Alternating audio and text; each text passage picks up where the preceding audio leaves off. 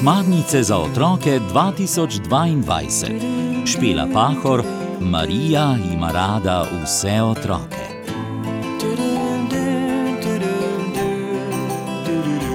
Bere nam jih Juri Sešer.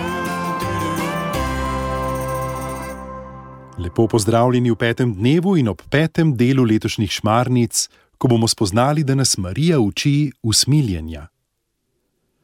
Ko smo končali molitev, je rekla teta: Rada bi vam prebrala pismo, ki vam ga je napisala neka deklica. Se strinjate? Seveda, seveda, se je razlegalo po razredu. Očitno se prav nikomur ni mudilo domov. Teta, ki nas je vse očarala, je vzela list in začela brati. Naj povem vsem, ki ste morda danes prišli k našim šmarnicam, pa še niste poslušali delov, ki so nas pripeljali do današnjega. Teta je prijateljica mame naše glavne junakinje, mame, ki je tudi katehistinja, teta pa je lajška misionarka, torej dela v misijonih. In takole je začela brati. Moje ime je Bitovš. Rodila sem se v majhni vasi v okrogli hiški iz lesa in blata. Stara sem 15 let. Rodila sem se zdrava, pasla sem ovce in koze ter hodila po vodo. Potem sem zbolela. Padla sem in ko so me našli, nisem mogla več hoditi. Moji mamici se je od hudega zmešalo. Ni bila sposobna več skrbeti zame, in potem je prišla na obisk moja teta in me vzela seboj. Zdaj živim z njeno družino, v velikem mestu. Njen mož opravlja različna dela, da lahko preživimo. Teta ima majhnega sina, nosi ga v reči na hrbtu, na pločniku ob cesti pripravlja hrano, ki jo kupijo mimoidoči in delavci na gradbiščih. Živimo pa v baraki, ki ima vse stene iz plastične cerade. Z vseh strani smo obdani sosedi, vodo moramo prinesti v plastičnih kantah, v našem barakarskem naselju pa je še veliko takšnih invalidov, kot sem jaz.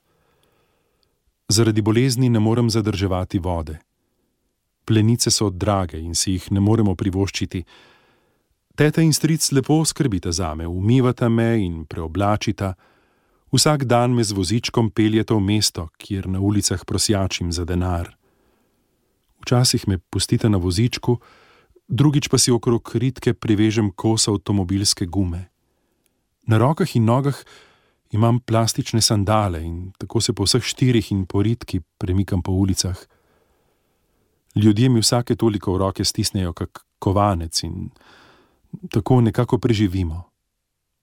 Zelo smo bili veseli, ko so mi sestre kupile rabljen invalidski voziček. Poskrbijo tudi, da imamo kaj obleči. S teto sva z eno od sester postali pravi prijateljici. Včasih jo obiščeva in vedno nama kaj da, če nič drugega v rečko piškotov. Sestre so me odpeljale tudi na zdravniške preglede.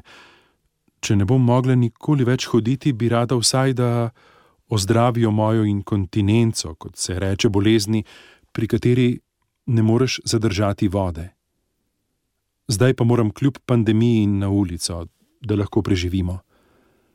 Na ulicah so tudi drugi otroci, ki beračijo in opravljajo razna dela, naprimer čistijo čevlje, prodajajo kartice za mobilne telefone, na prenosni tehtnici stehtajo mimoidoče.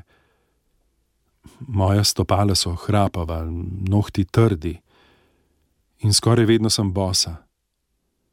Teta me obleče v krilo in majico z dolgimi rokavi, ko je mraz, se uvijem v veliko ruto, ki mi pokrije glavo, ramena in hrbet.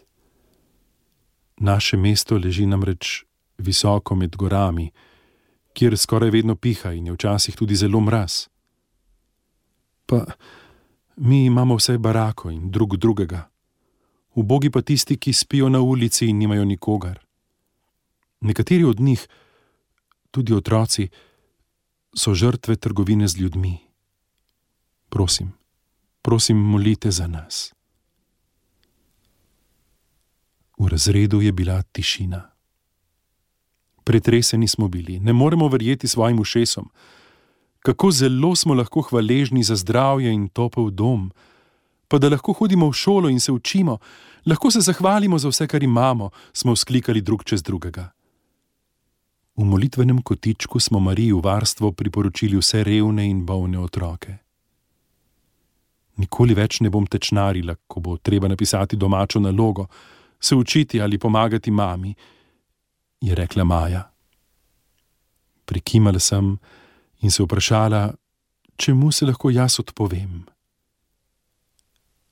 Dragi poslušalci, bodimo pozorni, da v dnevu prav vsak dan čim večkrat uporabimo besedo hvala.